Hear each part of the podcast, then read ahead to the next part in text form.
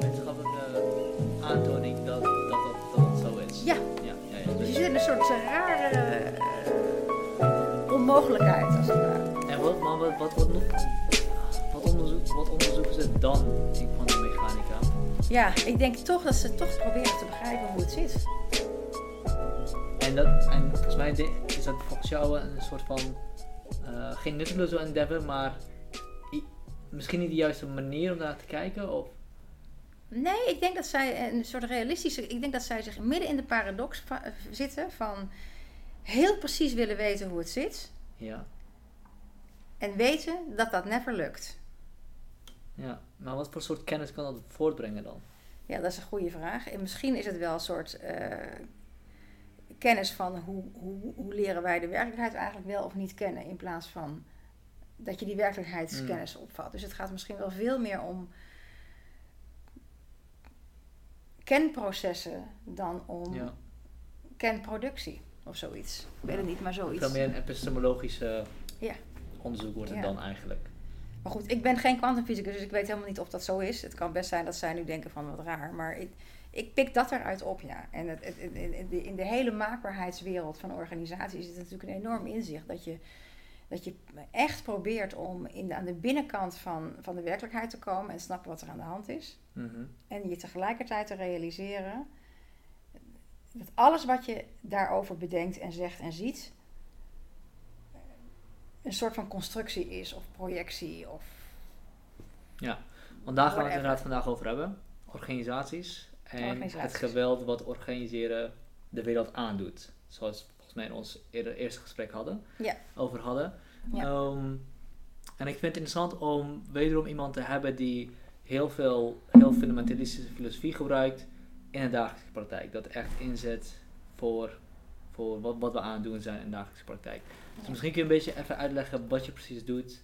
En, en, Een beetje uitleggen wat je precies doet. Ja, inderdaad. Ja. Eigenlijk eh, eh, gaat mijn, mijn hele werk is eigenlijk, eh, heeft te maken met mijn fascinatie voor het begrip, of niet voor het begrip, de praktijk van organiseren, van organisaties. En ehm, het interessante is dat wij, om de wereld een beetje te kunnen begrijpen, of onze werkelijkheid een beetje te kunnen begrijpen, we de werkelijkheid ook in stukjes knippen. Eh, ordenen noemen we dat. Mhm. Organiseren. Hè? We bedenken van eh, dit is A en dat is B en dat is boven, dat is beneden. Dat is de basis, de medewerker, dit is de wet, dit is de uitzondering. Dus wij, wij, wij maken voortdurend ordeningen in die werkelijkheid. We halen dingen uit elkaar. En daarmee bouwen we als het ware systemen waarmee we onze werkelijkheid een beetje kunnen begrijpen. Mhm. Logische systemen, maar ook gewoon praktische systemen. eh, mentale systemen. Protocollen, ruimtelijke processen. systemen. Ja, dus dat gaat van, van het maken van huizen en gebouwen en inrichten ervan tot ICT-structuren, tot processen in organisaties om dingen voor elkaar te krijgen. Dus wanneer je zegt organisaties, bedoel je niet alleen bedrijven of instituten of iets dergelijks, maar je bedoelt organisatie misschien met een hoofdletter O of... Ja, het is allebei. Dus je hebt, eh, het is wel een mooie wat jij nu zegt, want ik, ik denk dat wij vaak aan organisaties denken in termen van instituten. Maar ik, ik benader organisatie ook als een soort ja, fundamenteel fenomeen van wat mensen doen. Wij organiseren de hele dag ons leven. Dat woord gebruiken wij nu, dat bestond misschien honderd jaar geleden nog niet, dat weet ik niet. Maar wij, wij zijn voortdurend bezig om, om de dingen op de een of andere manier in orde te brengen. En dat is ook, dat is ook onontkoombaar. Het is de enige manier, zeg maar, om te kunnen leven, is om ook in, te begeven in de symbolische orde, zoals Jacques Lacan dat ooit heeft gezegd. Je moet deelnemen aan de symbolische orde van taal en afspraak om in deze wereld te kunnen leven. Mhm. Maar de, de, mijn fascinatie zit er eigenlijk op dat, dat wij vervolgens al die systemen die wij zelf bedenken, of dat nou taal is, of dat dat nou wettelijke systemen zijn, of juridische systemen, of ruimtelijke systemen, of afspraaksystemen, weet ik veel wat. Dat wij die systemen vervolgens gaan zien als een soort werkelijkheden op zichzelf, die wij niet zelf hebben gemaakt, maar die er gewoon zijn. Een soort entiteiten op zichzelf. En die dan vervolgens ons gaan beheersen in plaats van dat wij die systemen beheersen. Mhm. Dus onze organisatie gaat ons weer herorganiseren. Ja, dus dan zeggen wij bijvoorbeeld in een, in een situatie van een organisatie dat we zouden eigenlijk met z'n allen linksaf moeten. maar dat mag niet van de wet. We zouden eigenlijk dit, maar dat kan niet volgens de baas. Eh, en zo wijzen we als het ware iedere keer een soort eigenaar van een systeem aan, die dan iets zou hebben bedacht, Mhm. waar wij niet onderuit kunnen. En daarmee plaatsen we onszelf buiten het systeem. In plaats van dat we zien dat we onderdeel ervan zijn, sterker dat wij het zelf zijn. Dus wat ik, wat ik vaker zeg, en het is er eentje die ik elke dag in mijn eigen leven ook tegenkom, is, eh, en ik heb dat van, eh, hoe heet hij? Ehm. Nou, ik ben zijn naam even vergeten. Daar kom ik zo wel op. Eh, die zegt, er is iemand, nou, levenshoogleraar, en die zegt: eh, Wij klagen over het systeem. De baas, de wet, de weet ik wat niet allemaal. Maar wij zijn het systeem. Mhm. En ik vertaal die altijd voor mezelf in: eh, Ik sta niet in de file, Ik ben de file. ik ben de file. En, Dat is moeilijk hoor, want als je erin staat. Vandaag, ik stond nu ook weer op de brug. ja, Dan zeg ik: Ik sta in een file. Maar ik ben natuurlijk mede veroorzaker daarvan. Maar het is feitelijk waar dat je in een file staat, toch? Jawel, maar de neiging is om dat te zeggen, is dat je als je dat zegt, dan, denk je, dan doe je alsof die file buiten jou bestaat. Mhm. Er is iets wat een file is en daar ben ik nu in terechtgekomen. En dan ben ik een soort slachtoffer van die file. Mhm. In plaats dat ik me realiseer dat ik één van de onderdelen ben die die file maakt. Ik bedoel, ik veroorzaak hem niet in mijn eentje. Maar ik ben er wel onderdeel van. Ik draag die file ook. Ik maak, ook, ik maak die file ook mee. En zo denken wij vaak niet. Hè? Dus dan denken wij van... eh, we denken als het ware aan een wereld buiten ons. En dat, dat is natuurlijk typisch zoals wij ook westers, westerlingen zijn opgegroeid. Wij kijken naar de wereld alsof die iets buiten ons is. In plaats van dat we ons realiseren dat wij zelf voortdurend onderdeel daarvan zijn. En hoe vertaalt dan, dan, dat dan door in de organisatie? Want je noemt een aantal dingen en bijvoorbeeld wat, wat mij eh, opviel was dat je zei dat we vaak wanneer we denken, oh we zouden A moeten doen, het niet doen omdat het systeem dat niet toelaat of de baas het niet toelaat. Zou het tegelijkertijd ook niet zo kunnen zijn dat eh, die systeem zelf een leidraad is voor wat je wel en niet kan doen?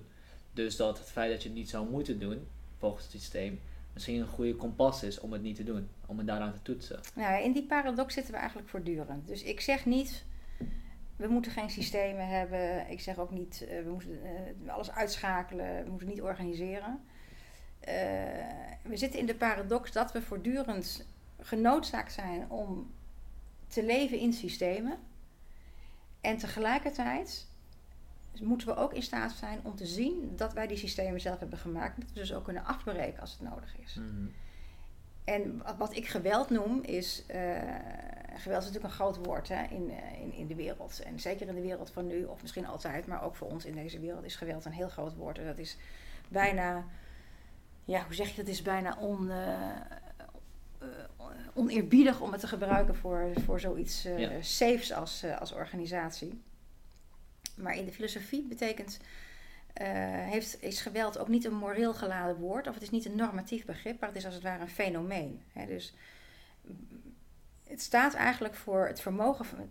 Als mensen in staat zijn om. Mensen zijn in staat om ordeningen aan te brengen in de wereld. Mhm. Dus ze zeggen: dit hoort ergens wel bij, dat hoort ergens niet bij. Hè? Dus denk maar aan ons grensverkeer. Hè? We zeggen: die mag er wel in en die mag er niet in. Of je moet wel of niet een paspoort hebben of tot een bepaalde gemeenschap behoren. Dan sluiten wij voortdurend iets of iemand buiten. Mhm. Dat is een, ook een, een, een, fysiologisch proces. Hè? Want ook in deze ruimte zitten wij nu en wij horen. Er zijn veel meer indrukken, esthetische indrukken, zintuigelijke indrukken van geluid en geur en dingen die op ons afkomen, die we allemaal lang niet kunnen bevatten. Dus wij selecteren de hele tijd uit. Ik geloof dat wij iets van 99,9, nog wat procent Ja. behouden. En dat doen wij om, om te overleven, anders worden we knettergek. Mhm. En ehm, dat is wat we met organiseren ook doen. Hè. Dus met organiseren brengen we voortdurend kaders, frames aan in de wereld die iets buitensluiten, zodat er iets ingesloten kan worden, dat we overzicht creëren. En in dat uitsluiten, daar zit fundamenteel geweld in. Want je zegt tegen iets of iemand, jij hoort er niet bij. En waarom is dat geweld? Waarom Omdat je daar- daarmee iemand eh, eh, uitsluit van de orde. Dus eh, er buiten zet. En dat is een vorm van geweld, zou je kunnen zeggen. Omdat je daarmee iemand niet toelaat tot, Of iets. tot iets. Ja, tot de gemeenschap, of tot, eh, tot goederen, of tot eh, geluk. Of Mhm. tot, neutraal tot een orde. En dat, daar kun je heel, daar kun je, dat kan natuurlijk hele extreme vormen aannemen in de vorm van, ehm, nou ja, de, de grenzen sluiten van een land bijvoorbeeld. Dan is het heel Mhm. duidelijk, dan, zeg, dan kun je nog wel voorstellen dat het geweld is.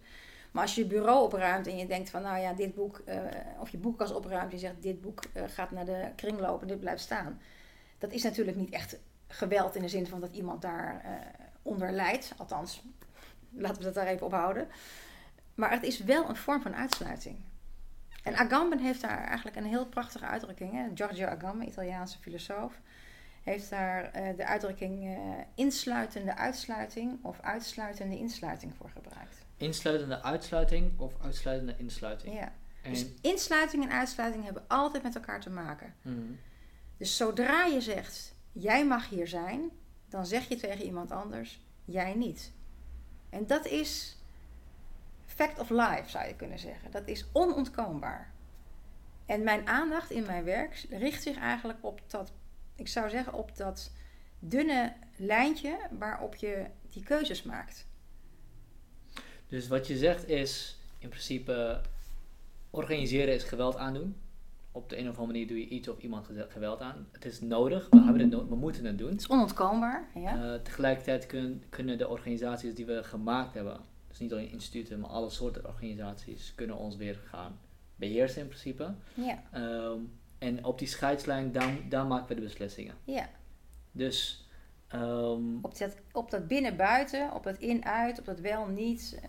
Daar, op dat gebied, dat is, een, dat is een precair gebied zou je kunnen zeggen. Dat is het, eh, het gebied waarop je, eh laat zeggen, in mijn werk probeer ik bewustzijn te ontwikkelen op dat gebied, op die grens. En eh, op, dat, op, op, dat, op die tussenruimte, op dat tussenstuk. Om te zien wat je doet. Om, om, om, David Bohm, dat is een, kwantumfysicus die ik eigenlijk recent weer ben gaan lezen. mhm. Hij heeft ooit in de jaren negentig geloof ik een boekje geschreven. Het heet eh, On Dialogue. Over dialoog is het eh, in het Nederlands vertaald. En die legt het eigenlijk heel mooi uit. Dus die zegt van... ehm, met ons denkproces fragmenteren wij voortdurend onze werkelijkheid. Hè. Zoals ik net ook in het begin zei. Van, eh, we delen de wereld op in kleine, knippen hem op in kleine stukjes. En hij zei, wat het, wat het gevaar daarvan is dat wij op een gegeven moment niet meer het geheel zien. Dus dat Mhm. wij ons verliezen in die kleine stukjes, in die fragmentjes. Hè, dus in onze eigen meningen of in lokale waarheden of in eh, eh, nou, alles zeg maar wat, zeg maar, wat je, wat je in, in stukjes knipt, in, in afdelingen. Hè. Dus je Mhm. kunt afdelingswijsheid hebben of bepaalde sectoren van de wetenschap die helemaal afgesloten zijn van de rest van de wereld. Ehm, dus we zien het geheel niet meer. En wat vooral belangrijk is, we zien niet dat wij zelf de makers zijn van die gefragmenteerde wereld. En de kunst is eigenlijk om, dat, om de aandacht niet te richten op die concurrerende waarheden. Heb ik gelijk of heb jij gelijk? Mhm. Maar op het denkproces wat die waarheden produceert. Dus kun je bewustzijn ontwikkelen op dat wij, dat wij zelf de makers zijn van die verknipte wereld, zou je kunnen Ja. zeggen. ik, vind dat, ik vind die denkproces een interessante vraag. Ik wil toch een vraag stellen ook over of wij degene zijn die de systemen maken waar we in zitten. Want wat, heeft, wat is mijn bijdrage geweest aan de wet waar we in leven? Of wat is jouw bijdrage geweest aan de file waar je in zat? Want of je daar nou in had gezeten of niet, die file had daar gestaan. Dus in hoeverre kun jij individueel verantwoordelijk houden- gehouden worden voor, eh, voor het bestaan van een systeem die zonder jou ook zou voortbestaan? Ja. Dat is een goede vraag. Het is natuurlijk zo dat het. Je zou kunnen zeggen, die file stond er al toen ik erin kwam. Dat is waar. Maar dat geldt voor iedereen. En als iedereen op die manier zou denken, dan zou er geen file zijn. Maar dat zo denkt natuurlijk niet iedereen, dus dat begrijp ik ook. Hm. Het gaat volgens mij om het bewustzijn dat je een onderdeel bent van een groter geheel. En dat je niet in je eentje de wereld kunt veranderen. Maar het is ook niet zo dat jij er in je eentje niet toe doet. Ja, want je bent een onderdeel daarvan. Mhm. Ja, dus dat zie je natuurlijk nu ook bij die, eh, bij die bewegingen, zeg maar. eh, laten we zeggen, de Arabische lente hebben we bijvoorbeeld gehad. Maar je ziet nu ook die hele klimaatbeweging. Je hebt natuurlijk het, de hele beweging van feminisme gehad. Dat is natuurlijk ook begonnen vanuit individuen die op de een of andere manier iets teweeg hebben gebracht. Niet gepland van, oh we gaan... Maar er, er is een soort samenhang tussen de dingen waar je als individu onderdeel van bent. Hmm. En ik denk dat wij nu ook in een tijd leven waarin heel veel mensen het gevoel hebben dat ze machteloos zijn. Dat ze denken van ja, tegen zoveel ben ik niet opgewassen. Wie ben ik? Terwijl we tegelijkertijd ontzettend worden uitgedaagd om een individu te zijn en verantwoordelijkheid te nemen voor de wereld en voor je leven. En, eh, eh, identiteit te ontwikkelen en autonomie, weet je wel, daar zitten wij helemaal vol van.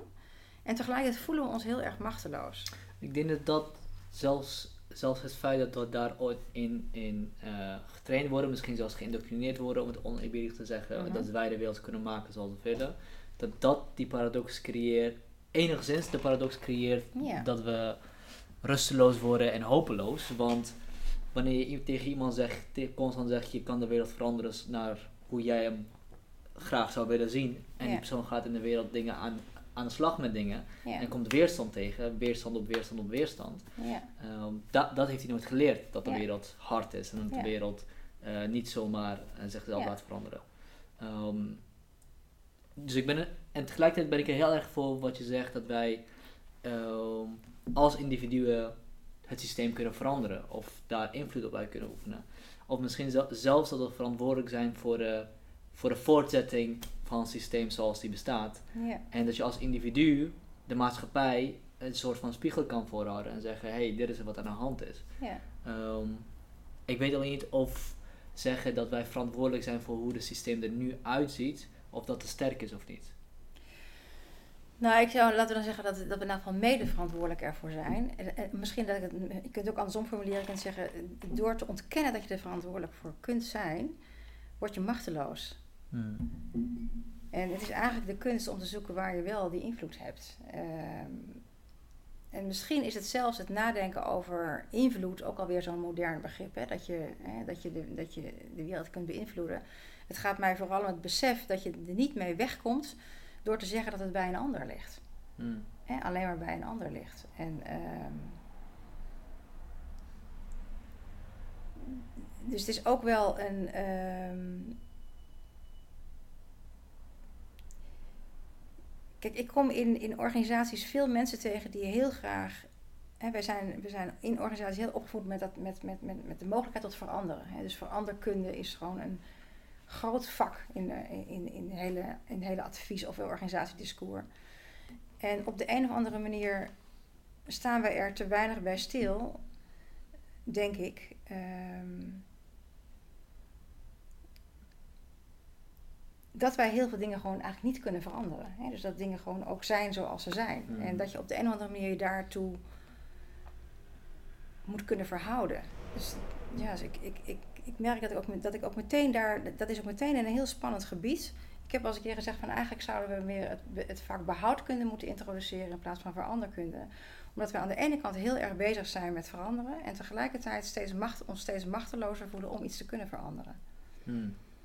Ehm, Er zijn bepaalde, er zijn bepaalde eh, dingen die door, door, door de eeuwigheid hetzelfde zijn gebleven, denk ik. En door het idee dat de wereld maakbaar is, eh, zijn we vergeten om een scheiding te maken wat is wel maakbaar en wat niet. Waar zouden we ons wel toe moeten richten en wat niet. ja. Eh, ik weet niet zo goed hoe, wat nou wel maakbaar is en wat niet, maar ik denk dat er bepaalde dingen zijn in de realiteit die we wellicht nu op dit moment niet moeten denken dat we kunnen veranderen, maar die we beter kunnen volgen. Ja, Misschien een heel simpel voorbeeld is waar je lichaam gezond van wordt. ja, We kunnen wel onze lichaam heel maakbaar gaan maken en heel biologisch gaan veranderen om heel gezond, efficiënt om te kunnen gaan met suikers en dergelijke. Maar wellicht is het gewoon beter om te zorgen dat je gewoon te- niet zoveel suikers eet of die hoeveelheid suikers eet die je lichaam nodig heeft. Mhm. Um, om een heel banaal voorbeeld te geven. ja. Uh, maar dat is een ander punt wat ik wilde maken.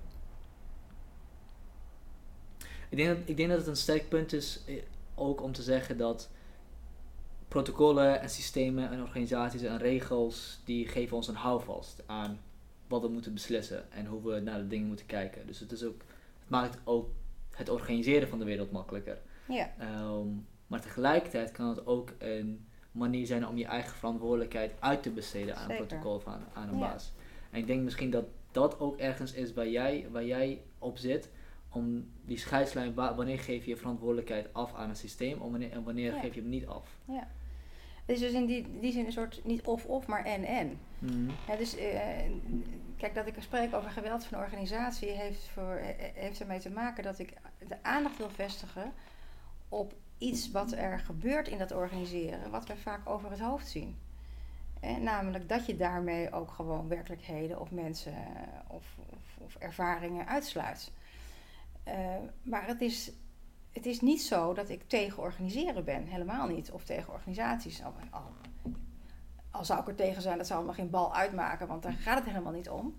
Maar het gaat erom dat je, dat je voelt dat er een soort precair evenwicht is tussen eh, onderdeel zijn van een systeem. eh, of, of, of denken dat je er buiten bent. Hè? En dat je, dat, je, dat je dat besef gewoon meer krijgt. Waardoor je niet ineens een betere wereld kunt maken. maken hè? Want dan zit nog steeds dat volmaakte, dat maakbaarheidsbesef erachter. Dus dat was ook waar ik net eigenlijk op reageerde toen jij zei van ja, in die file. Het is ook niet zo dat ik die file in mijn eentje kan oplossen. Mhm. Maar het gaat om een besef dat je, dat je mede veroorzaker bent van wat hier in de wereld gaande is. Dat je daar niet buiten staat. Dat je, dat je fundamenteel onderdeel bent van, van het geheel hier. In plaats van dat je op een afstandje naar die wereld kijkt. Dat jouw handelingen doorklinken tot weet ik veel waar. Nou ja, wat in die kwantumfysica hè, aan de orde is, dat, dat daar de, de overtuiging is dat zodra je iets wil onderzoeken en je je blik erop richt, dat iets dan verandert onder je blik. Dus dat, Mhm. je, dat je niet los naar iets kan kijken. eh, dat is een besef. Als je dat besef tot je door laat dringen, dan heb je een heel ander, andere verhouding tot de werkelijkheid dan wanneer je denkt: ik ga eens even lekker ingrijpen hier. Mhm. Dus misschien heeft het ook wel veel meer te maken, heeft mijn werk ook wel veel meer te maken met het, het, het, het, het proberen te bij te dragen aan het, aan, het, aan het doen ontstaan van een houding in ons werk die, die dat besef heeft. Dus die begrijpt dat het niet een eenrichtingsverkeer is. Het is niet zo, ik zit hier op de stoel en ik regel het even. Of die, hij zit op de stoel en hij regelt het even. Maar wij zitten in een voortdurende eh, in, in, in een werkelijkheid waarin een voortdurende dynamiek gaande is tussen alles wat er is. Mhm. En wij denken dan dat wij daar een mooi rationeel spoortje doorheen kunnen trekken en kunnen zeggen: kijk, zo zit het. En als het zo zit, dan kunnen we daar dus ook van afleiden hoe we het kunnen veranderen. Maar wij zijn natuurlijk, ja, je zou kunnen zeggen, overgeleverd aan, aan een dynamiek die we helemaal niet beïnvloeden. Ja, dus ik leg het altijd bijvoorbeeld heel simpel uit als je, eh, we hebben agenda's. Daarom, eh, daarom zit ik nu hier op deze stoel. Als we geen agendasysteem hadden, was onhandig, hadden we elkaar niet getroffen, hadden we elkaar nooit gesproken, had ik de weg niet kunnen vinden. Mhm. Helpt allemaal. En tegelijkertijd dit gesprek wat wij hier voeren, dat is zo onvoorspelbaar als het maar kan. Elke zin, in elke zin, is wat ik, het woord wat hierna komt, heb ik nog niet bedacht. Ik heb wel ideeën, maar het, het ontstaat als het ware ter plekke. Dus het hele idee van die emergente werkelijkheid, Wat bedoel je met een emergente werkelijkheid? De emergente werkelijkheid gaat, emergentie staat voor eh, het, het, het verschijnsel of het, het fenomeen dat, de dingen, dat, dat, dat dingen gebeuren. Dat dingen niet. eh, dat dingen, on, dat, dat, dat, dat, ja, dat dingen gebeuren. Dus dat de werkelijkheid in wezen een continue gebeurtenis is. In plaats van een uitvoering van een gedachte door iemand. Of een opeenvolging van handelingen? Ja, dus eh, het is een. Het, ik, ik weet dat ik heb ooit een keer een mooi stukje gelezen dat ging over emergentie in de muziek. Ja, dus je kunt als muzikus kun je een, eh, eh, je kunt het een, een, muziekstuk heel goed eh, uit je hoofd leren, hè, lang oefenen. Je kunt zorgen dat de, in de zaal de, de, de akoestiek goed is. Je kunt het beste instrument hebben wat er is. Iedereen is uitgenodigd. Iedereen is daar op tijd. Maar of iets een goed muziekstuk wordt, of een mooi muziekstuk wordt, dat, dat is niet te herleiden tot die losse dingen. Dat is wat, ergens wat in between ontstaat. Dat is zeg maar Dat is emergentie. de, de gebeurtenis. Dat is de gebeurtenis. Ja. En dat is eigenlijk ons hele leven. En Dus als je aan mensen vraagt, wat zijn nou belangrijke momenten in je leven geweest, of belangrijke gebeurtenissen, dan zijn dat nooit de geplande dingen van, ik, ik wil een slok water nemen en die heb ik ook genomen, of iets dergelijks. Hè? Of, eh, dat zijn altijd eh, grote dingen als iemand die je bent tegengekomen waar je verliefd op bent geworden. Of eh, een boek wat je hebt gelezen wat je op een ander spoor heeft gezet. Of Mm. eh, een ervaring ergens onderweg waardoor je op een andere manier bent gaan kijken. Iemand die iets tegen je zei. En dat zijn altijd ongeplande dingen. Dus het, het- het belangrijkste van het leven bestaat uit ongeplandheid. En toch denken wij dat wij de hele tijd het in de hand kunnen hebben. Maar we hebben wel heel veel planning nodig om die ongeplandheid te kunnen. Dus het is niet zo. Ik zeg ook niet van laten we hier op straat gaan zitten, onze armen open houden en zien wat er op ons afkomt. Nee, het is, het is weer die, die dubbelheid van. eh, ik zeg altijd, we- we moeten organiseren en we kunnen het niet organiseren. Hmm. We moeten ordenen, we, moeten praten met elkaar, of we moeten, maar eh, ook in ons spreken zit zoiets. Hè? Dus jij, jij en ik proberen elkaar te begrijpen. En dat lukt natuurlijk nooit helemaal. Dus ik zeg iets en dan ontstaat er bij jou een- ergens betekenis. Hmm. Die brengt jou tot een vraag of, of een nieuwe gedachte. En zo blijven wij ook met elkaar in gesprek. Ja. Stel je voor dat jij gewoon zou kunnen zeggen wat je wilde en dat dat gewoon één op één bij mij naar binnen zou komen. Dan zouden we hier een soort stilzwijgen eh, tegenover elkaar zitten. Of gewoon allebei één monoloog, jij een monoloog en dan gaan we naar huis. Ja. Ja, Hannah Arendt heeft dat ooit eens gezegd. Hè? Die heeft ooit gezegd van ja, stel je voor dat wij de wereld zouden kunnen inrichten zoals we die hebben bedacht.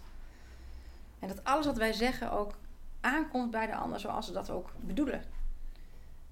Dan zouden we in een soort totalitaire, stilstaande situatie terechtkomen. Waarin de vrijheid van het leven verdwenen is. Dus vrijheid is natuurlijk een raar begrip. Vrijheid heeft te maken met die onmogelijkheid van ons om ons leven te bedenken. Hoe zit het dan precies? Want vrijheid zit hem erin dat we ons leven niet volledig kunnen bedenken. En volgens Hannah Arendt, als wij elkaar volledig zouden begrijpen, zouden we dus niet, geen vrijheid kunnen genieten. Ja, kijk, wat zij zegt is, eh, el, elk, eh, in elke situatie, elke gebeurtenis, elke taaldaad maakt ruimte eigenlijk voor iets nieuws. Dus doordat jij iets tegen mij zegt, ontstaat er bij mij een vraag. De vraag die ik aan jou stel, die, die laat bij jou iets nieuws beginnen, een gedachte of een andere vraag. Dus het idee van, van nataliteit, van beginnen, is voor haar een heel belangrijk eh, principe van de menselijke conditie, zoals ze dat noemt. Dus een, is een menselijke conditie. En ehm, dus ik, ik kan elk moment, in, in, in, in alle momenten waarop je denkt, ik weet het even niet meer, of er, er, er doemt iets onbekends op, of, er- of je staat voor een nieuwe situatie. En dat kan heel prettig zijn, maar het kan ook heel bedreigend zijn. Dat is eigenlijk een moment waarop ons, waar onze vrijheid in zit. Want dat betekent dat wij van die open situatie iets kunnen maken. Hmm. Maar vrijheid hebben wij natuurlijk vaak een heel ander idee bij. We denken bij vrijheid heel vaak aan eh, vrijheid, blijheid, ik kan doen wat ik wil. Ja. En dat is een ander begrip van vrijheid. Dus vrijheid is, is een fundamentele eigenschap van het menselijk leven. Dat wij elk moment, als het ware, een nieuwe wending niet alleen kunnen, maar moeten geven aan wat er gebeurt. Het doet me ook een beetje denken aan, eh, aan eh, gewoon simpelweg evolutietheorie, omdat elke gedachte die ik uit naar jou qua taal ondergaat een bepaalde mutatie in de manier waarop jij het begrijpt. En het komt op een gemuteerde weer terug, manier weer Ja. terug. En daardoor kan er evolutie van gedachten zijn. En Ja. daardoor zitten we dus niet in een totalitaire systeem waar we, en wel waar we, waar we vrijheid hebben. Omdat we dus niet precies weten wat elkaar, wat 100% weten wat jij bedoelt. Ja. Of Ja. 100% begrijpen zoals jij het begrijpt. Ja, het punt is dat ik het natuurlijk ook niet begrijp. Hmm. Dus ik, ik, ook daar zit natuurlijk twijfel. Hè? Dus ik, ik weet soms ook niet wat ik wil zeggen. Dus ik ontdek ook wat ik wil zeggen doordat ik er begin te praten. Hè? Dus Mhm. ik heb het met schrijven heel sterk. Voor mij is schrijven, dat heeft Cornelis Verhoeven ooit eens prachtig eh, beschreven, een autogeen verschijnsel. Ja, dus je begint, je schrijft niet iets op wat je hebt bedacht, maar in het schrijven ontstaat eigenlijk de ordening en ontstaan de gedachten en ontstaat eigenlijk het verhaal. Terwijl wij denken dat we dat op een rijtje hebben en alleen maar hoeven op te schrijven of uit Ja. te spreken. Denk je dat we kunnen denken zonder taal? Misschien een eeuwen oude vraag, maar dat, ja, dat is een goede vraag. ligt natuurlijk aan wat je bedoelt met denken. Ja, Uh, maar ik denk dat als, als denken de organisatie van de wereld is, dat je niet kan denken zonder, zonder, zonder taal. Ja je zou hem ook iets anders kunnen, je zou kunnen zeggen, het is niet, het is niet alleen taal.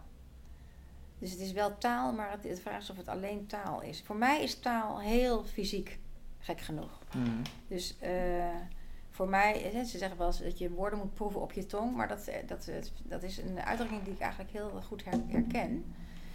Ehm, dus bij taal zitten ook beelden. Eh, voor veel mensen is het vooral beeld.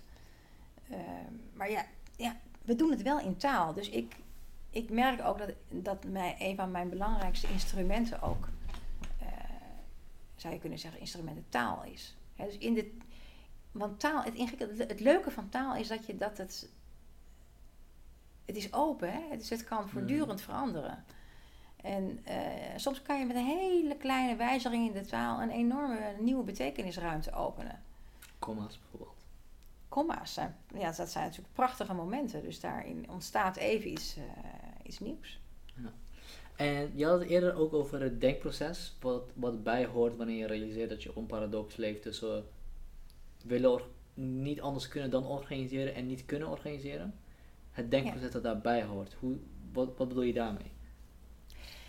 Nou, het, het, ehm, je zou kunnen zeggen dat het. Misschien is dat ook wel. Daar kom ik langzamerhand achter. Een van de. de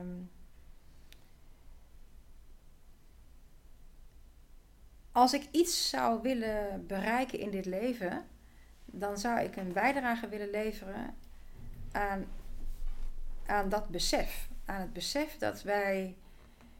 ehm, je zou zeggen opgesloten, kun je zeggen. Dat is mijn, maar je zou ook zeggen dat we in de vrijheid zitten. Ook dat is weer een dubbel paar. Ehm, hoe het werkt. Dat we in de gaten hebben hoe dat denkproces werkt. Niet zozeer in de analytische zin, zo van, hoe, van A naar B. Maar vooral hoe, hoe construeren wij voortdurend de wereld waar we zelf onderdeel van zijn. En roepen we ook de ongelukken en de gelukken over onszelf af. Hmm. Terwijl we tegelijkertijd echt niet de actoren zijn die bo aan alle knoppen kunnen zitten. Dus kun je, kun je zien, en in de filosofie heet dat de hermeneutische cirkel. Hmm. Dus je kunt over je eigen leven denken, of over dit leven denken, omdat je er deel van uitmaakt, omdat je zelf ook mens bent.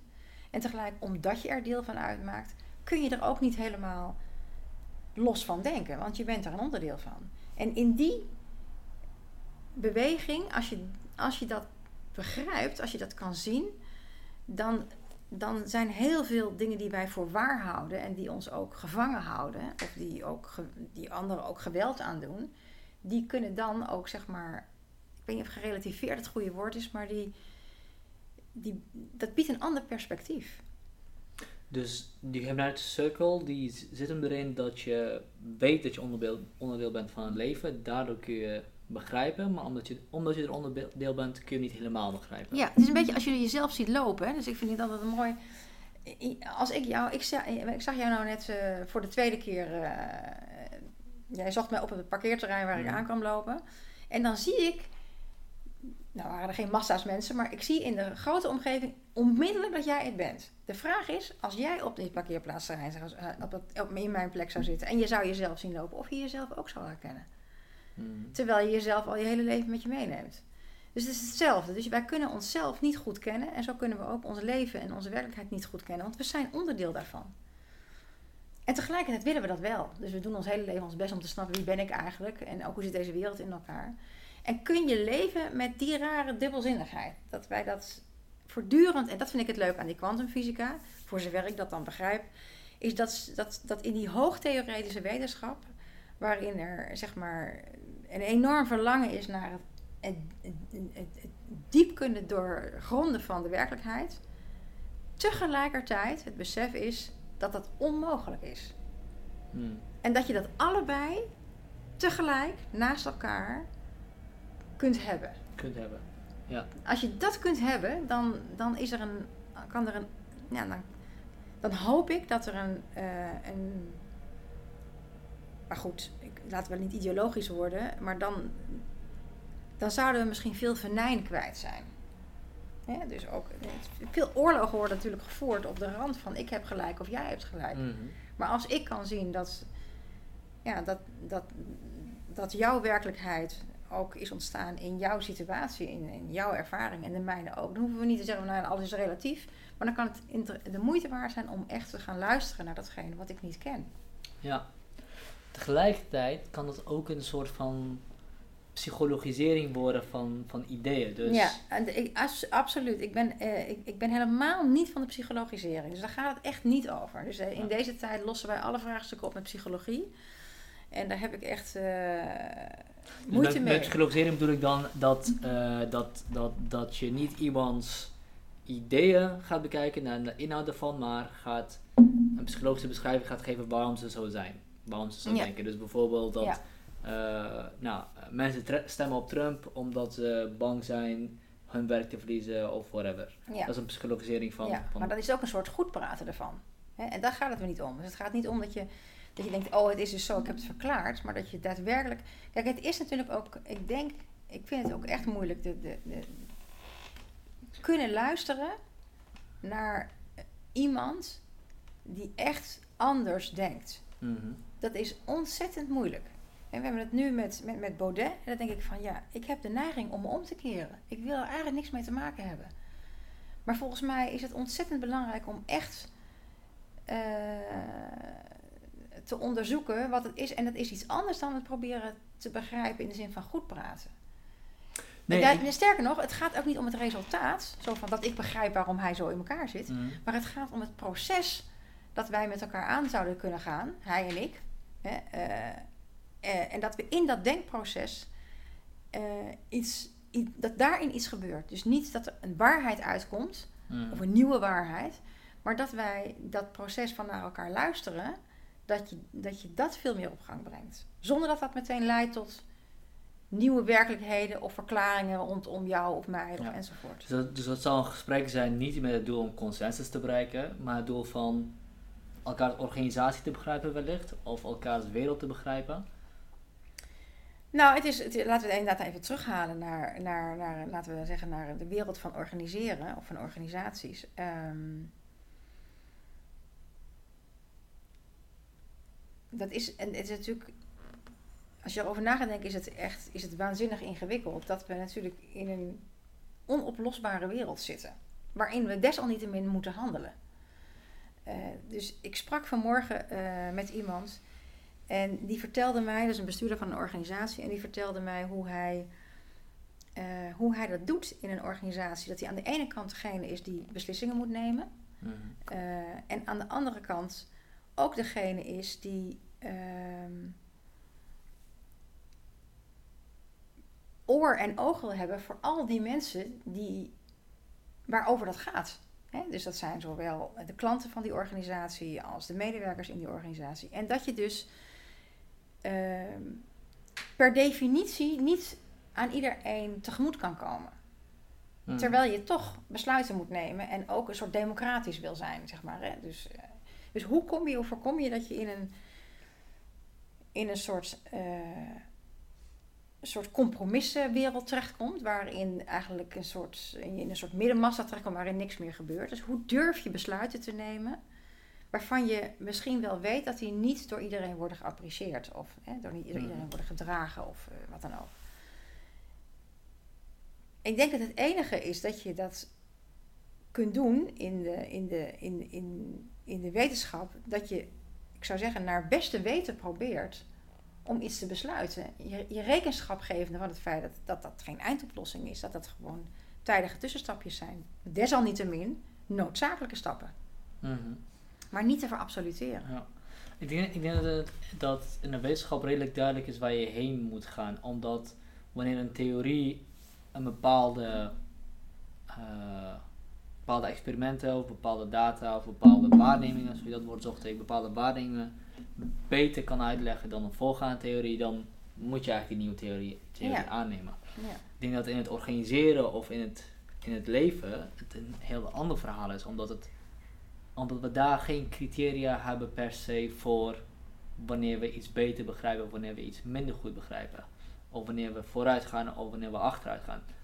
Tenzij je als organisatie hebt KPI's die je neergezet hebt en Ja. dergelijke. Maar dat is weer een organisatie van jezelf. Ja, maar Dat zou je met wetenschap hetzelfde kunnen bedenken. Dus ook de wetenschap heeft natuurlijk een, heeft natuurlijk een, een, een, een, een, idee van waarheid gecreëerd. Hè? Dus, eh, eh, met name kwantitatieve wetenschap, eh, daar, zit, daar zitten ideeën bij van wanneer iets bewezen is of niet. En dat is natuurlijk in een, in een organisatie niet anders. Ik bedoel, daar is, zijn ideeën over rendement en over groei. eh, of eh, ja, er zijn natuurlijk, die KPI's wat jij zegt, er zijn natuurlijk heel veel ideeën over wanneer iets goed is. En daar hebben we Mhm. normen op bedacht. En dat is in de wetenschap net zo goed. Dat Ja, is ook dus zo- arbitrair. Het is allemaal arbitrair. Maar we hebben het nodig.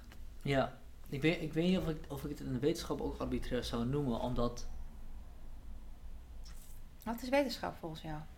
Nou, kijk, ik begrijp dat, dat de wetenschap in een bepaalde axioma leeft waarin eh, de wereld of een fenomeen begrepen wordt wanneer je het in de mechanische onderdelen kan uitleggen en kan voorspellen. Dat is, dat, dat is denk ik wat, wat, wat de wetenschap doet. Wat zijn de mechanische onderdelen die, in, die iets laten bewegen?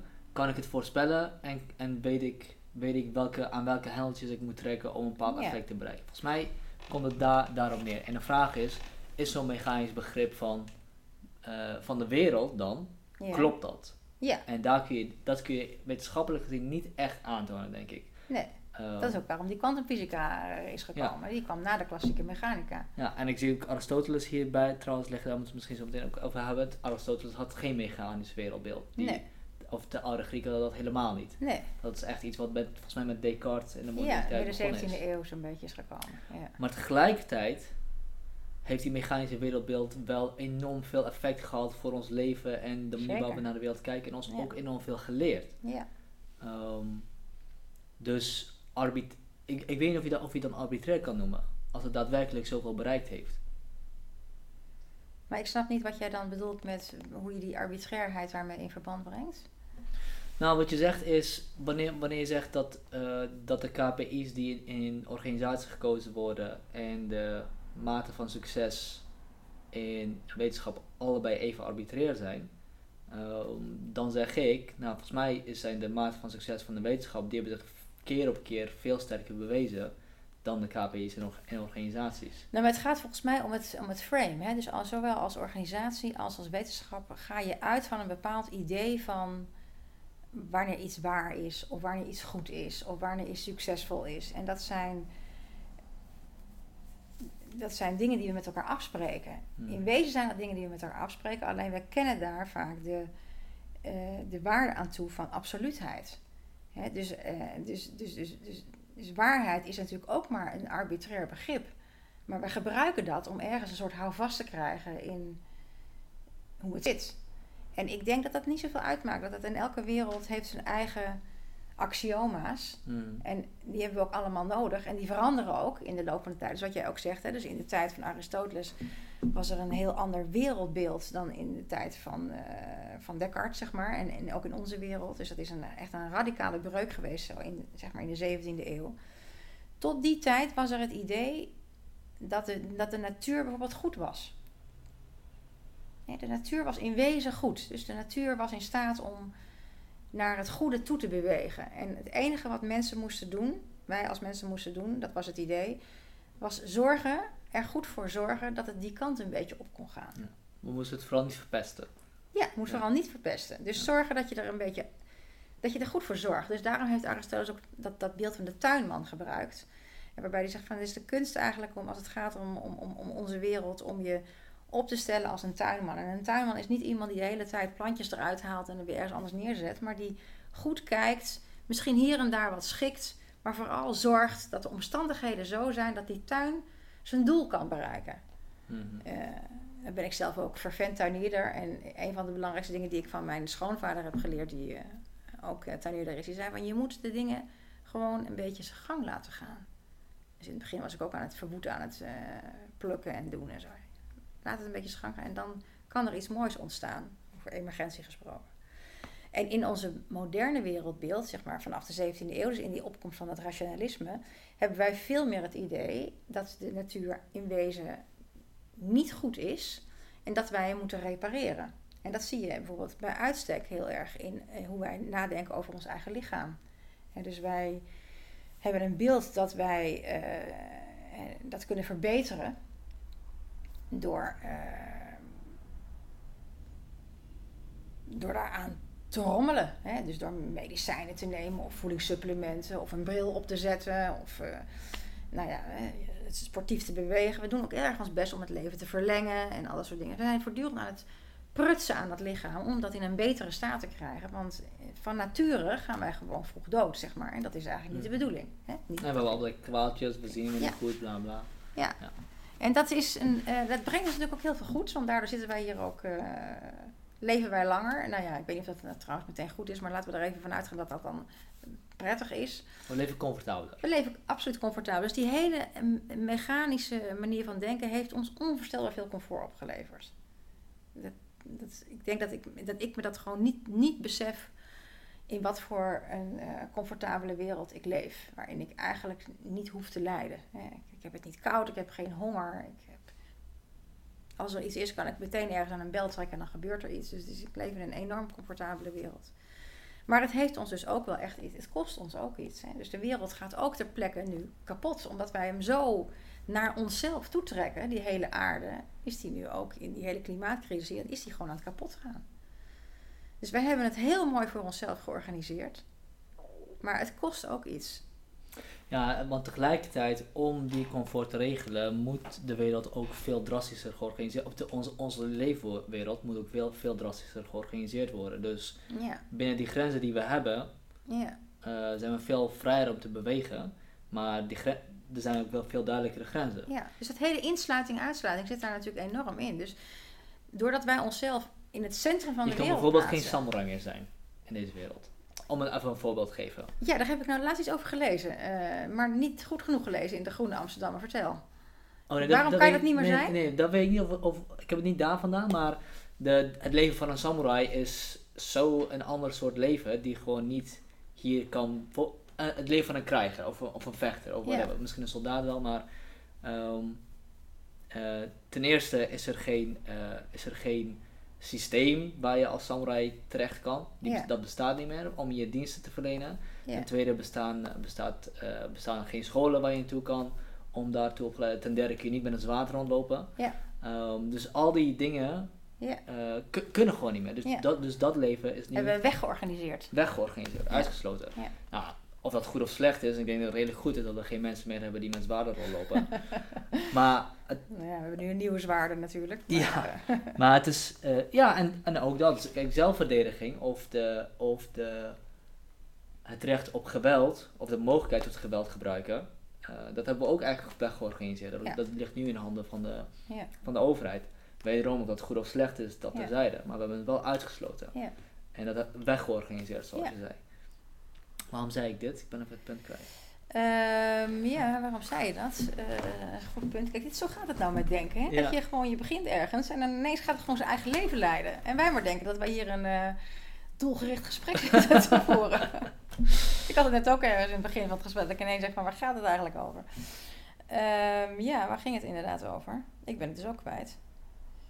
Uh, ik ben het ook kwijt. Nee, hè? Ja. ja, zie je, we zijn het gewoon kwijt. Nee, ik ik nou, bedacht me net toen je dat zei, dacht van, nou ja, er zijn natuurlijk... Maar het ging over insluiting, uitsluiting. Dat wij oh, ja. voortdurend, ja. uh, ook met die werkelijkheidsbegrippen, waarheidsbegrippen van bijvoorbeeld de wetenschap of van organisaties, die, daar sluiten wij andere werkelijkheden mee uit. Mm. Oh ja, ja, ja. En dat is een fact of life.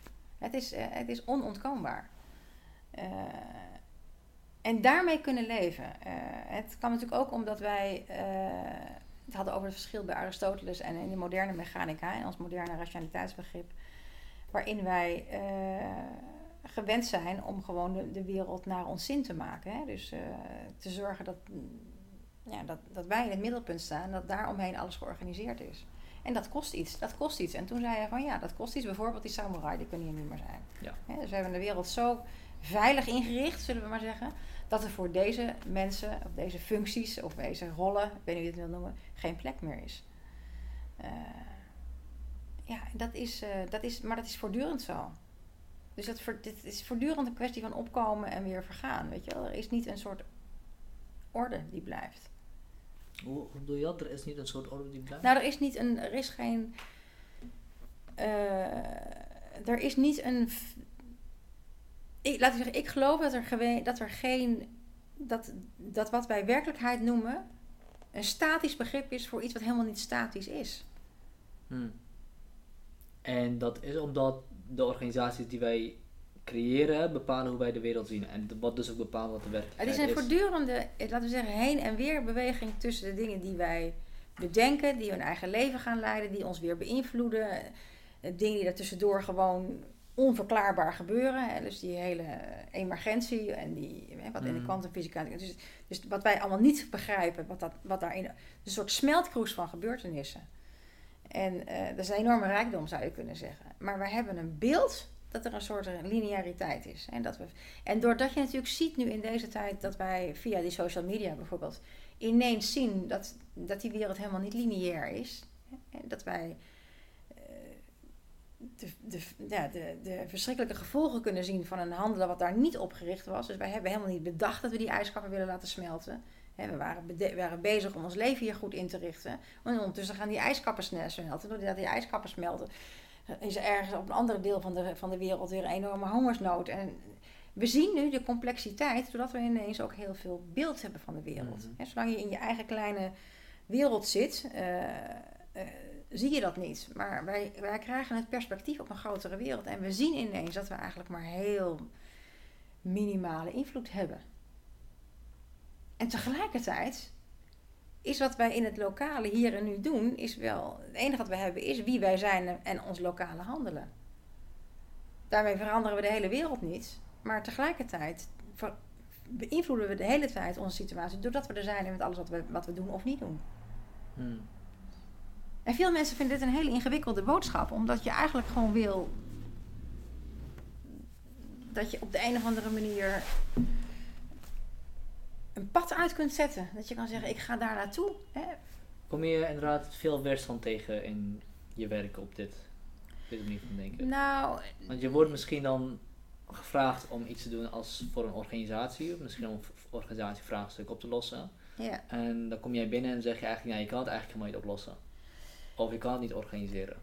Nou, dat is, een, vraag. het is, het is, kijk, ik, waar ik natuurlijk veel mee geconfronteerd word, zijn met, zijn met vraagstukken van, uh, van uh, laten we zeggen, van onoplosbaarheid. Hè, dus uh, wij willen gewoon met z'n allen de, linksaf en het lukt niet. Hè? we willen iets implementeren en het mislukt, of het gaat niet goed. Of we willen tevreden medewerkers, in plaats daarvan neemt de ontevredenheid juist toe. ja, ik maak er nu wat grote, grote dingen van, maar en dus het, je, ik word dus veel geconfronteerd met onvermogen. En de hoop is natuurlijk dat ik dan binnenkom en dan zeg hoe het wel opgelost kan worden. Want zo zitten we een beetje in elkaar. Dan roepen we een expert van buiten bij en dan helpen we, dan vragen we die, kun jij het even voor ons regelen? Mhm. Eh, en waar ik dan in werk is dat je meer gaat zien uh, hoe eigenlijk processen in organisaties werken, betekenisprocessen in organisaties werken, dat je meer gevoel krijgt of meer besef krijgt voor die denkprocessen waarin al die betekenissen ontstaan. Je zou ook betekenisproces, wat bedoel je daarmee? Nou, kijk, veel mensen denken aan, als je aan organisaties denkt, aan uh, organogrammen, aan functies, aan protocollen, aan regels, aan systemen.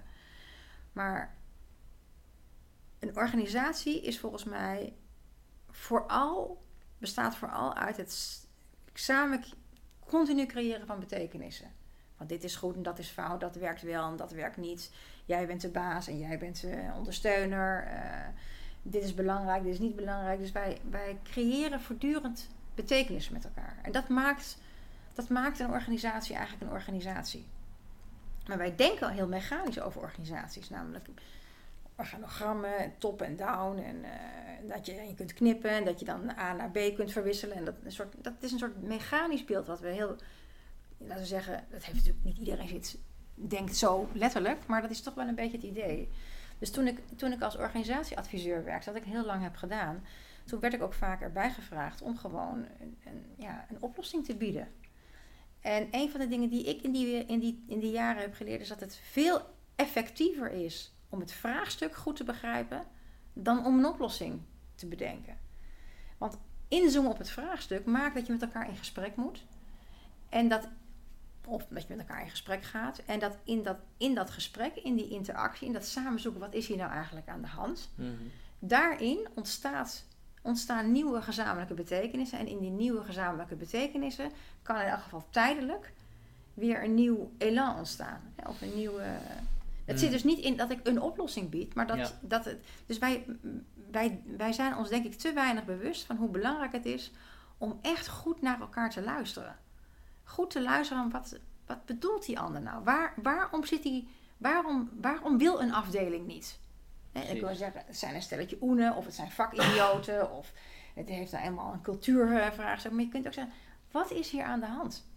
En het gaat niet om psychologiserende verklaringen, maar het gaat om in de aandacht daar die daar ontstaat, wat vrij schaars is tegenwoordig, om echt aandacht en tijd ergens voor te hebben. En het ook even een tijdje niet te weten wat er aan de hand is. Dus daadwerkelijk het onbekende op te zoeken. Daarin kan iets nieuws ontstaan. Ik denk dat het ook heel sterk, wat je nu zegt, heel sterk teruggaat naar wat we al eerder zeiden. Want in een organisatie is het natuurlijk ook belangrijk dat je, dat je allemaal dezelfde organisatie hebt. Dat je op dezelfde manier in je hoofd georganiseerd hebt wat je nou aan het doen bent. En door te vragen naar een oplossing, dat is in principe al een, al een, oplossing en een antwoord die sluiten eigenlijk al, die sluiten al bij voorbaat uit. Dit is wel goed en dat is fout. Dat, dat hoort bij een antwoord en een oplossing. Maar als je niet eerst eens samen afvraagt wat de definitie van een vraag is, wat het probleem is, dat samen organiseert en bedenkt wat hoort nou bij de oplossing en eh, bij de vraag en wat hoort nou niet bij de vraag. Ja. Dus samen dat geweld aangaan. Ja. Ehm, dan is het natuurlijk ook heel raar om met een oplossing te komen, want niet iedereen gaat het natuurlijk als een oplossing vinden. Nee. Nou, ik moet zeggen dat ik. ehm, het is niet zo makkelijk om uit het frame te komen van oplossingen die de boel glad strijken. Dat is, die heb ik ook. Ik bedoel, ik vind het ook soms fijn als dingen gewoon opgelost worden. Het is helemaal niet fijn om te bedenken dat je in een voortdurend evoluerende werkelijkheid zit die het veranderlijk is. Dat is, dat is heel ongemakkelijk. Eh, dus we hebben wel af en toe een soort eilandjes nodig waarop je even kunt uitrusten en kan denken van nou, dit is het nu eventjes. Ehm, maar ik denk wel, ik merk wel in mijn werk dat er een enorm verlangen is om ook uit die klem van die maakbaarheid te komen. Omdat iedereen wel voelt dat het een klem is. Dat als jij moet beloven dat jij inderdaad gaat groeien of zoveel dingen op gaat leveren en het lukt je niet. Niet omdat je het niet wil, maar omdat er gewoon heel veel andere krachten gaande zijn waar je helemaal geen invloed op hebt. Hè. En dat noemen we dan complexiteit. Ja, dan helpt het soms heel erg om in die betekenis eh, in het betekenisproces te investeren. Omdat je dan een andere, een andere laag van het vraagstuk raakt. Kijk, en sommige dingen zijn trouwens wel heel mechanisch oplosbaar. Ik bedoel, je hoeft niet overal gesprekken over te voeren. Ja. En laat het even helder zijn. Maar ik denk dat we veel te weinig met elkaar in gesprek zijn. Of in, onder, in onderzoek zijn. In onderzoekende gesprekken bedoel je dan? Ja, onderzoekende gesprekken. Ja. Ik heb vanmorgen in de auto heb ik een nieuwe, een nieuwe term bedacht. Ja, dat is dan weer zoiets wat ook zo in. Dat is ook een e- emergentieding. Toen dacht ik. Er wordt trouwens ontzettend veel gesproken over leiderschap. Hè. Dat is dan zo'n eh, zo'n nieuw, eh, nieuw woord, wat eigenlijk een verschrikkelijk woord is. Tenminste, ik vind het een soort illusiewoord. Maar toen dacht ik van, als je nou eens zou spreken over luisterend leiderschap. Want leiderschap is zo vaak geassocieerd met initiatief nemen, eh, iets de baas zijn, eh, weten hoe je in elkaar zit of hoe het in elkaar zit, eh, visionair zijn, daadkrachtig Het is een zijn. assertief, actief woord. Ja. ja. Maar als je nou eens heel erg leiderschap zou opvatten als een, als een, een, sterk ontwikkelde vorm van het vermogen om te luisteren. Niet alleen naar iemand anders, naar iemand anders, maar ook naar, naar echt datgene wat onbekend is. Hè? Dus de, de, de, de, de, de, de, de achterkant van een vraagstuk, hè? waar je echt geen idee van hebt. Of ehm,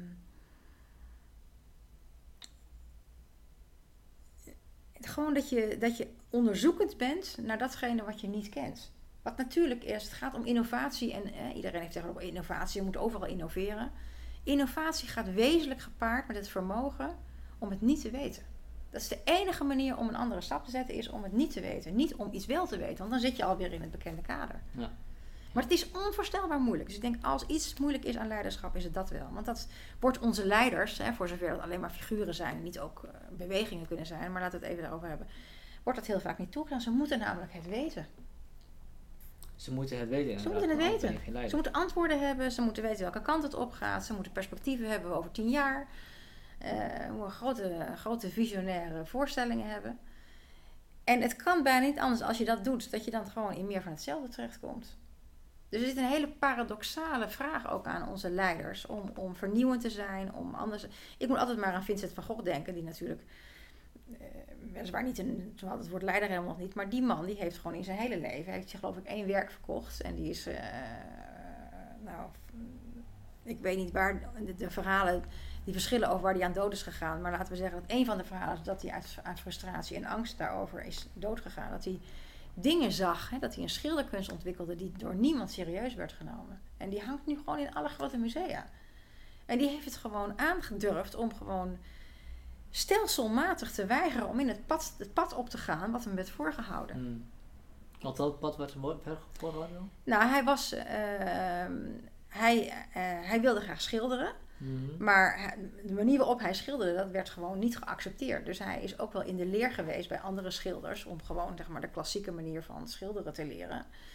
Uh, en zijn ouders hebben hem ook heel erg geprobeerd om uit het schilderen te halen en gewoon in het normale werk terecht te laten komen, dat hij er niet van kon leven enzovoort. En toch heeft hij volgehouden om op de een of andere manier tot, tot gekmakends toe uh, dat idee van hem achterna te gaan, om te ontdekken hoe hij anders met kleuren om kon gaan.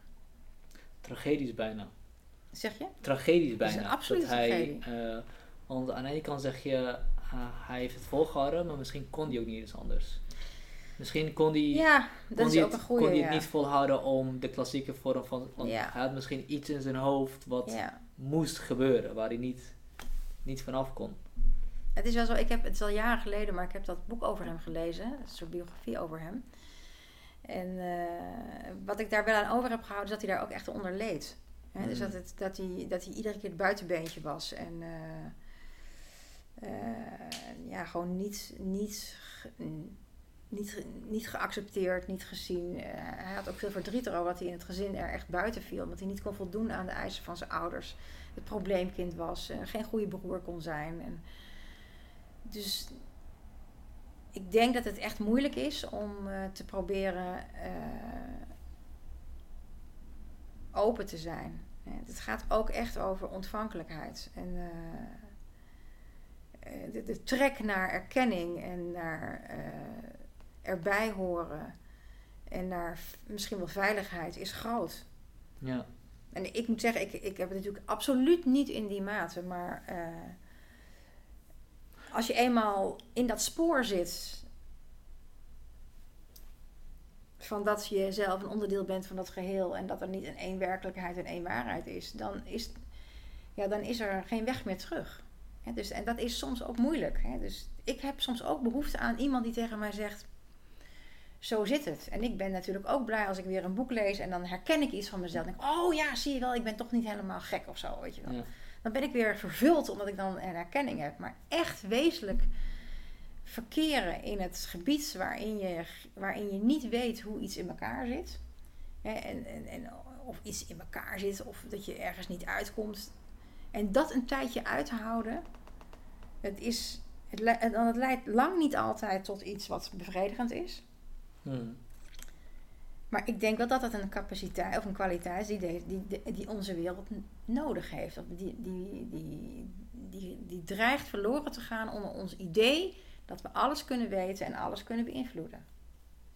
Ik denk inderdaad ook dat de organisaties die we gemaakt hebben uh, in de afgelopen misschien 500 jaar uh, wellicht op bepaalde vlakken hun, hun nut aan het verliezen zijn. En dat wellicht zelfs nu meer dan, dan andere tijden het belangrijk is dat we daar enigszins afstand van kunnen nemen en opnieuw kunnen reflecteren. Nou, wat, zou nou, wat, wat voor organisaties hebben we gemaakt? Hoe ziet de wereld eruit? Hoe we die en, en, en heeft dat nog nut zoals we het, uh, zoals we het gedaan hebben? Tegelijkertijd uh, is organisatie op de geba ge gebaande paden maakt je leven ook een stuk makkelijker. Zeker. Het, uh, inderdaad, het, is, het is gewoon een stuk makkelijker om zo te leven. En Vincent van Gogh is misschien wel de, de meest beste voorbeeld van de schaduwzijde van het heel erg ontvankelijk zijn voor dingen buiten de organisatie. Wanneer je niet iets nieuws kan maken, dan leef je een leven van frustratie en angst en dergelijke. Even als voorbeeld zijnde. Um, dus, en terugkomend op, op, op behoudkunde. Uh, hoe zorg je dat je, dat je, dat je naar organisaties, dat je naar de organisatie kijkt uh, op een manier dat je, dat, je, dat je er niet door overgenomen wordt, maar wel kan behouden wat er nuttig, nuttig aan is? Ja. Ja, hoe doe je dat? Ehm, ik, of is dat iets emergents? Dat kan natuurlijk nou, ook. Dat is ook nee, iets wat maar het, wat ik al eerder zei, ik denk dat het echt met houding heeft te maken. Dus ik denk dat het echt te maken heeft met een, het vermogen om uh, een houding te hebben waarin je kunt zien, uh, of kunt ervaren misschien wel. Uh, en misschien wordt er wel accepteren bij, ik weet dat het het goede woord is. ja, ik zou zeggen dat de dingen zijn zoals ze zijn. Dus dat je niet het is ook en-en. Het is niet of-of. Het is niet of geen regels of wel regels. Hmm. Eh, het is allebei. Je moet gewoon. Maar je kunt je wel afvragen bij veel dingen hoe, hoe nodig ze zijn. En dus een van de dingen waar ik al een tijdje mee bezig ben, is, is, het, is het idee van minimal organization. Mm dat heb ik een beetje ontleend. Of dat, dat, is, dat komt, dat komt van, van mijn liefde voor minimal art. En het mooie van minimal art is dat het uh, veel aandacht besteedt aan een minimale interventie om een hele ruimte tot leven te brengen. En dus in de, in de fotografie heet dat het punctum. Dus als je naar een, een foto kijkt, en, en laat zeggen, een, een, iemand die, goed, die dat goed kan, die kan in een goede foto zit altijd één plekje, het punctum, waar als het ware, die als het ware het hele beeld organiseert van die hele, van die hele hmm, foto. ja. En dus, dat is natuurlijk in, uh, in het stand van minimal art is ook dat, er, dat het heel veel met herhaling heeft te maken trouwens. dus ook bijvoorbeeld in de, in de muziek van Philip Glass zie je dat, dat er dan één toon is die iedere keer terugkomt en terugkomt. En op een gegeven moment kan die dan ineens zeg maar, emergeren naar een nieuwe toon. En ik probeer daarmee te experimenteren in in, in, in, in het organisatiediscours. Door daar ook te kijken van wat, heeft, wat is hier nou mini, aan minimale interventie nodig om iets te laten gebeuren. Hè? Dus wij zijn in organisaties gewend om het vol te proppen met interventies en regels en systemen en nog meer. En dan werkt het niet, dan doen we er nog meer bij. En kun je ook dingen afbreken? Kun je dingen weghalen? Hè? Dus uh, wat is gewoon, welke regels kun je gewoon afschaffen? En zoals ze bijvoorbeeld in de stad Utrecht hebben op een gegeven moment bedacht van welke stoplichten kunnen we hier eigenlijk weghalen. Kon je als burgers kon je plakkertjes uh, op de stoplichten doen volgens mij. En dan kon je zeggen, nou deze is niet nuttig. En nu zie je ook, zijn de stoplichten weggehaald. Hier stond eerst een stoplicht dat niet meer nuttig is gebleken of zoiets. En ineens rijdt het dan beter door. Die, die, die rotondes bijvoorbeeld, die, die, die waren er vroeger helemaal niet. Hè? Dus ik denk dat er, de rotondes in Nederland, die bestaan nog maar een jaar of twintig. En uh, dat heette toen roundabouts, want ze kwamen uit Engeland. En die hebben natuurlijk een enorme, dat is een hele mooie interventie geweest om al die stoplichten weg te halen en er een, eh, een rotonde van te maken, waardoor dat zich zeg maar zelfsturend is gaan worden. Nu heb je inmiddels heb je hele ingewikkelde rotondes, maar ook weer dubbele rotondes met weer stoplichten. Heb je de Keizer gezien? Dat is, weg. Ja. Weet je wel? Dus we, organiseren dat weer dicht. Maar hoe kun je het nou minimaal houden? En daar zit wel voor mij echt een. Uh, nou, daar ben ik echt mee bezig. Van hoe, hoe kan je in, in de veelheid van wat er allemaal in een organisatie is en ook aan, aan regels en, en systemen is bedacht, hoeveel kun je daar weghalen om weer zicht te krijgen op waar het ook alweer over ging? Want die organisatie, dat wordt een ding op zichzelf. Hè? Mhm. Heel veel organisaties zijn dingen op zichzelf geworden, niet meer middelen om een bepaald doel te bereiken. Maar dan krijgen we allemaal organisatievraagstukken om de organisatie. Maar het, die organisatie was een middel. Het was niet een doel. Maar dat is het inmiddels wel voor heel veel dingen gebeuren. En dat zie je natuurlijk in Nederlandse moderne bureaucratie ook. Dan is het gewoon. Kijk, die bureaucratie is ooit fantastisch ontstaan. Die is door Weber bedacht. Hè? Waren, vroeger was het zo dat de mensen die het meeste geld hadden of het meeste aanzien hadden, die waren de baas. Dus bureaucratie was eigenlijk een manier om dat, uh, om dat zeg maar stil te leggen en te zorgen dat veel meer mensen recht konden hebben op uh, goederen en op plekken en op invloed. Ja. Maar inmiddels is het natuurlijk een heel ander ding geworden. Mensen zeggen wel eens in een bureaucratie ben je geen mens, maar een nummertje. Maar dat is juist goed dat je een nummertje bent. Want iedereen in dat systeem is een nummertje. Ja, dus- tot dat. Maar je zou zeggen, het heeft zijn, het heeft zijn goede ding bewezen. Maar het slaat nu dus door naar een andere kant. En nu krijg je dat, dat mensen denken van ja, we zijn, geen, we zijn alleen nog maar nummers.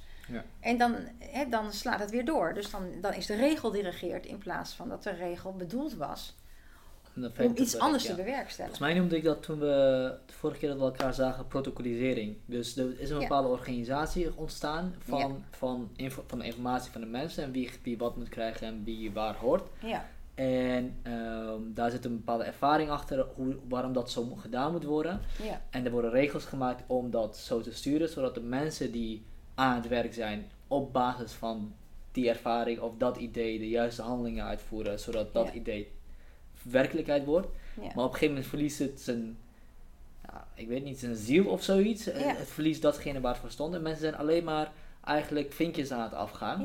En weten niet meer echt wat ze aan het doen zijn. Nou, en daar besef voor krijgen. Dus dat je, dat je ziet, dat, je, dat is dus het systeem wat je zelf hebt bedacht en wat jou dan ineens gaat overnemen. En hebben we dan de moed om te zeggen, het heeft zijn tijd gehad. Hmm. Nu iets anders. Dus daarin leer ik heel veel van kunstenaars. Uh, daar werk ik in de, ik werk in de, graag in de buurt ook van kunstenaars. En ik heb ook al veel met, met ze gewerkt. Maar wat je ziet bij kunstenaars is dat ze hebben geleerd om hun systemen af te breken. Dus ze maken iets, maar het is niet, als, ze, als het klaar is, gaan ze niet reproduceren. Maar dan gaan ze weer iets anders maken. Hè? Of, of, of, het, of het systeem duurt zolang het nodig is en dan is het klaar. En dan gaan ze, breken ze het af. Dat is ook heel letterlijk.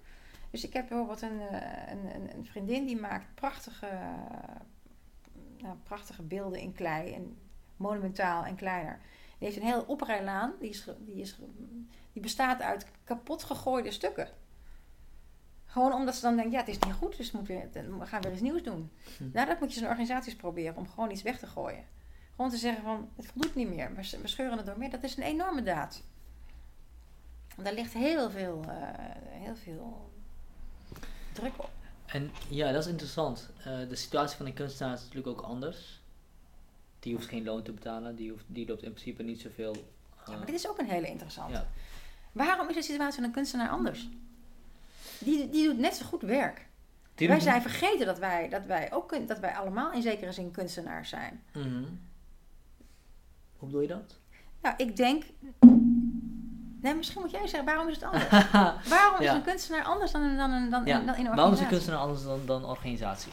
Uh, op zijn best is een organisatie verantwoordelijk, ook verantwoordelijk voor het voortleven van haar, van haar medewerkers, voor het succes van haar klanten en um, speelt ook een rol in die maatschappij. Dus als die organisatie wegvalt, dan uh, kan er een bepaalde rol wegvallen, waardoor al die dingen verkeerd gaan.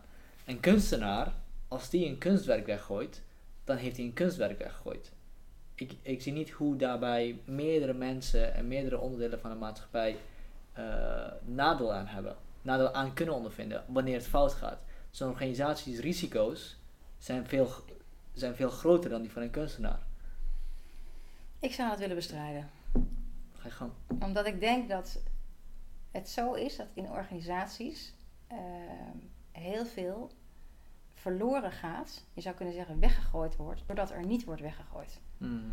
dus ik denk dat uh, heel veel, ik doe het nou even op één hoop hoor, maar dat er heel veel regels in organisaties zijn die juist belemmeren wat er eigenlijk moet gebeuren. dus die, waardoor er zeg maar van wat de oorspronkelijke bedoeling was van die organisatie, dat, die, dat daar juist niet aan wordt voldaan vanwege al die regels. Dus ik denk dat die regels veel vaker iets in de weg zitten dan dat ze eh, iets bevorderen. Dus ik zeg niet alle regels en ik zeg niet alle systemen, maar juist die veelheid ervan. En ik denk uiteindelijk dat bij kunstenaars dat die veel meer risico nemen. Uh, omdat die bereid zijn om echt iets op het spel te zetten. Kijk, het is ook interessant hoe jij over organisaties praat. Dus jij zegt van je hebt organisaties die zijn dan verantwoordelijk voor hun medewerkers. Maar wie is eigenlijk, wat is eigenlijk een organisatie? dus er is een idee van een soort entiteit, een organisatie die iets is waarin medewerkers zijn. Maar die medewerkers die zijn de organisatie. Mhm. Dus het is heel interessant dat wij dan dus denken van ja, dan zie je al die loskoppeling. Zie je dat? dan heb je dus een organisatie en daar zijn regels in. En daar zijn ook medewerkers in. Maar die medewerkers, dat zijn, die zijn die organisatie. Die zijn onderdeel van de organisatie inderdaad. Die zijn het gewoon zelf. Dan, uh, maar wat in een organisatie is bijvoorbeeld vaak het MT of de directeur of whatever. Die zijn degene die de beslissingen nemen. Ja, dat denken wij.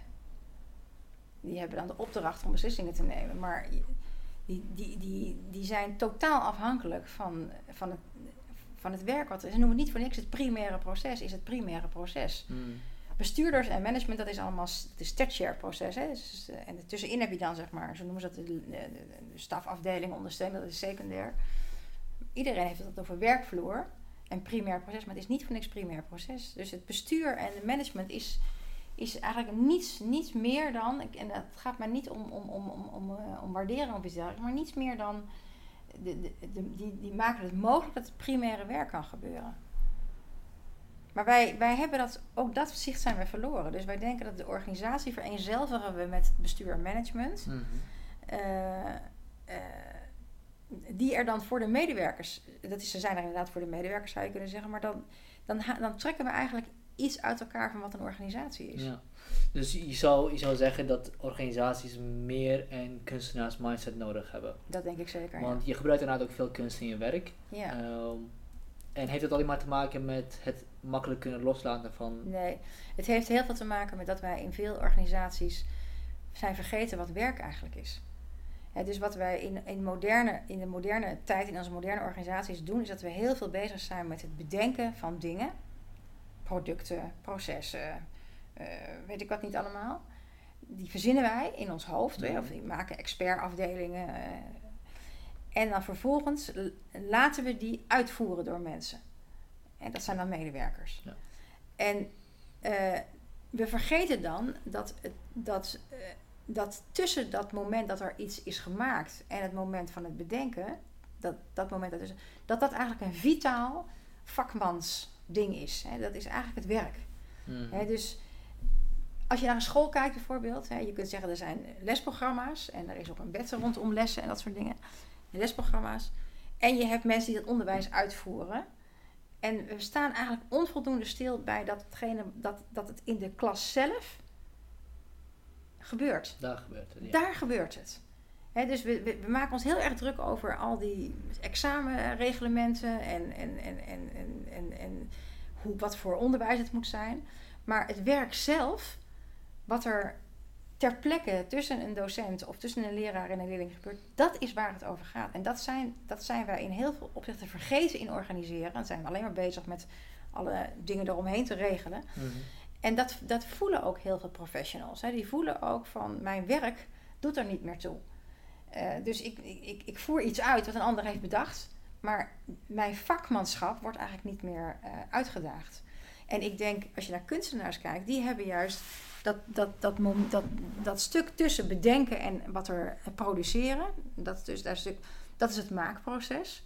En dat is eigenlijk het belangrijkste aandachtsgebied. Hmm. He, dus voor een kunstenaar is het zo dat het niet zozeer belangrijk is om van tevoren te bedenken wat zal ik eens gaan maken.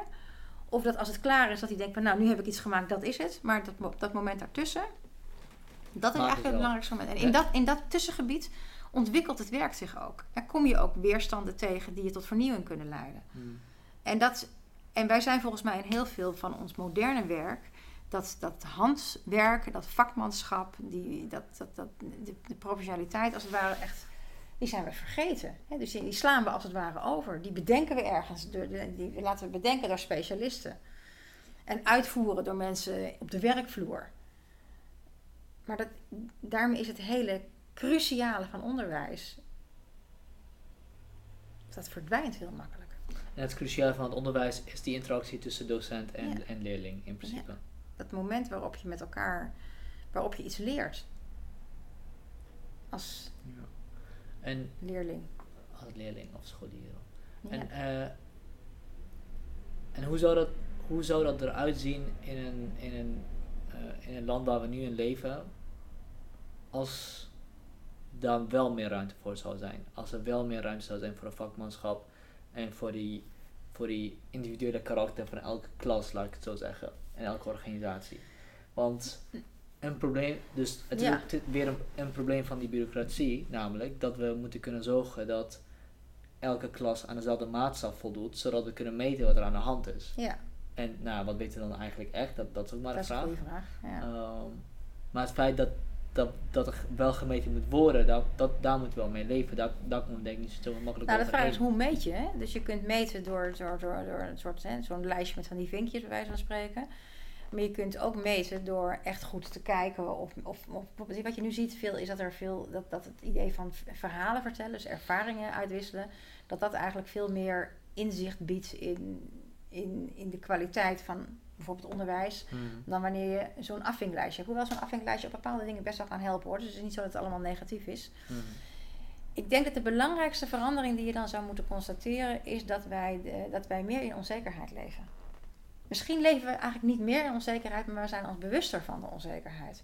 Op het moment dat we, dat we, dat we, dat we ons minder uh, vast gaan houden aan uh, algemene uh, lijstjes met algemeenheden, of algemene uitgangspunten of, of normeringen, dan is. we kunnen nu nog de illusie hebben dat we het allemaal in standaarden kunnen vangen. Ja. En een deel is ook wel zo. Dus ik zeg niet dat het helemaal niks is. Hè? Uh, als je dat zou loslaten en je zou zeggen dat daar, daar gaan we niet meer uh, op varen, op, op, op toetsen, dan betekent dat je veel meer met elkaar in gesprek moet en dat je ook veel meer onzekerheid moet toelaten over, over die algemeenheden. Dus het is, het is ook het loslaten van een idee van algemene kennis en algemene normen en algemene meetmogelijkheden. En dat is natuurlijk een enorme stap, want dat past niet in ons rationele wereldbeeld. Wij hebben toch het idee dat we ergens moeten afsteven op een soort van waarheid. Hmm, ja. Dus het vraagt eigenlijk, het, en dat is denk ik wat moeilijk, het vraagt om het vermogen om in onzekerheid te kunnen leven. Uh, en ik denk dat die onzekerheid niet groter is, niet wezenlijk groter is, niet feitelijk groter is dan die van de lijstjes. Maar daar hebben we nog altijd de illusie van de lijstjes. Ja, duidelijk. Dus eh, het komt, het komt, het komt weer heel erg terug op, op het punt wat je aan het begin maakte. Um, organisatie is heel goed, daar kunnen we heel veel mee. Maar het is een organisatie. Het is één manier om de wereld te organiseren. En daar, daar kennis van nemen, daarmee kunnen leven met die paradox. Dus ik heb dit nodig om de wereld te kunnen structureren, maar het is niet de wereld zelf. Ja. Um, dat is eigenlijk de scheidslijn waar, waar, waarop jij eigenlijk je werk doet met organisaties dan. Ja, is eigenlijk maar een heel klein beetje. Het is natuurlijk ook vooral een heel erg mentaal proces, hè? Het is heel mentaal wat ik doe. Op een bepaalde manier bedoel ik niet uh, dat, het, dat, het, dat het cognitief is of zo, maar het is Mentaal voor jou of mentaal voor de nou, het is, het is, ik denk dat het echt heeft te maken met dat je, dat je, kan, dat je kan zien hoe wij met ons, onze manier van denken een wereld creëren waar we zelf in verstrikt raken. En als je dat kan zien en die vrijheid van denken kan, kan openen, mhm. eh, ja, dan, is, dan opent zich ook een werkelijkheid die aan de ene kant heel veel ruimte biedt voor heel veel mensen in onze tijd, ook voor mij, spannend is. Maar ik denk wel echt de moeite waard. Omdat ik denk dat het leven op de een of andere manier niet zit in de georganiseerdheid van ons bestaan. Maar in alles wat daar aan ontsnapt. En wat is het risico dat we lopen als we dit niet kunnen? Je ziet het nu gebeuren. We maken onze aarde gewoon fysiek kapot.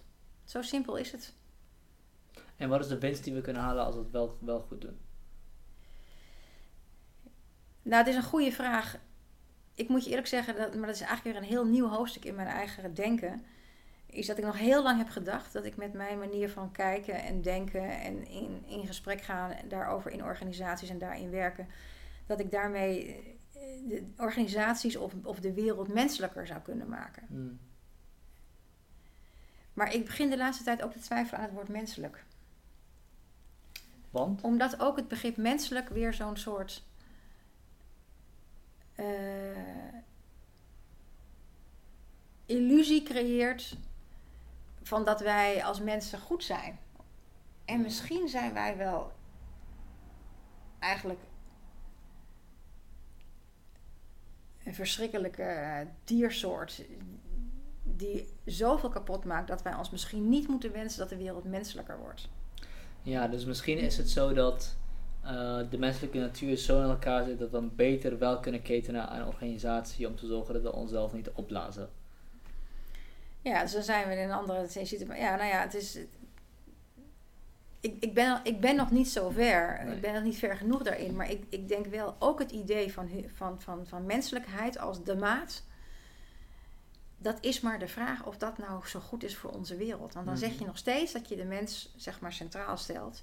En de vraag is of dat eigenlijk wel zo'n goed idee is. De vraag is of, of, of het. Als je kijkt naar, probeert naar het geheel te kijken. En dus uit die fragmentatie, en voor zover dat kan hè, als mens, maar laat ik het proberen. Dan is het de vraag of de mens eigenlijk wel zo'n goede uitvinding is in deze, op deze aarde. Hmm. Ik vind het leuk om, eh, om misschien hierbij te eindigen. Want dan eindigen we met op een stuk waarin we het onweten of het niet weten laten Prevaleren. prevaleren. Inderdaad. Zeker. inderdaad. Jason, heb je nog misschien nog een vraag? Ja. Dan moet ik je hartstikke bedanken, Mieke. Voor je Ja, komst. jij ook. Bedankt Super voor je- interessant voor je vragen en je luisteren Zeker het Ja, Zeker wel. Ja,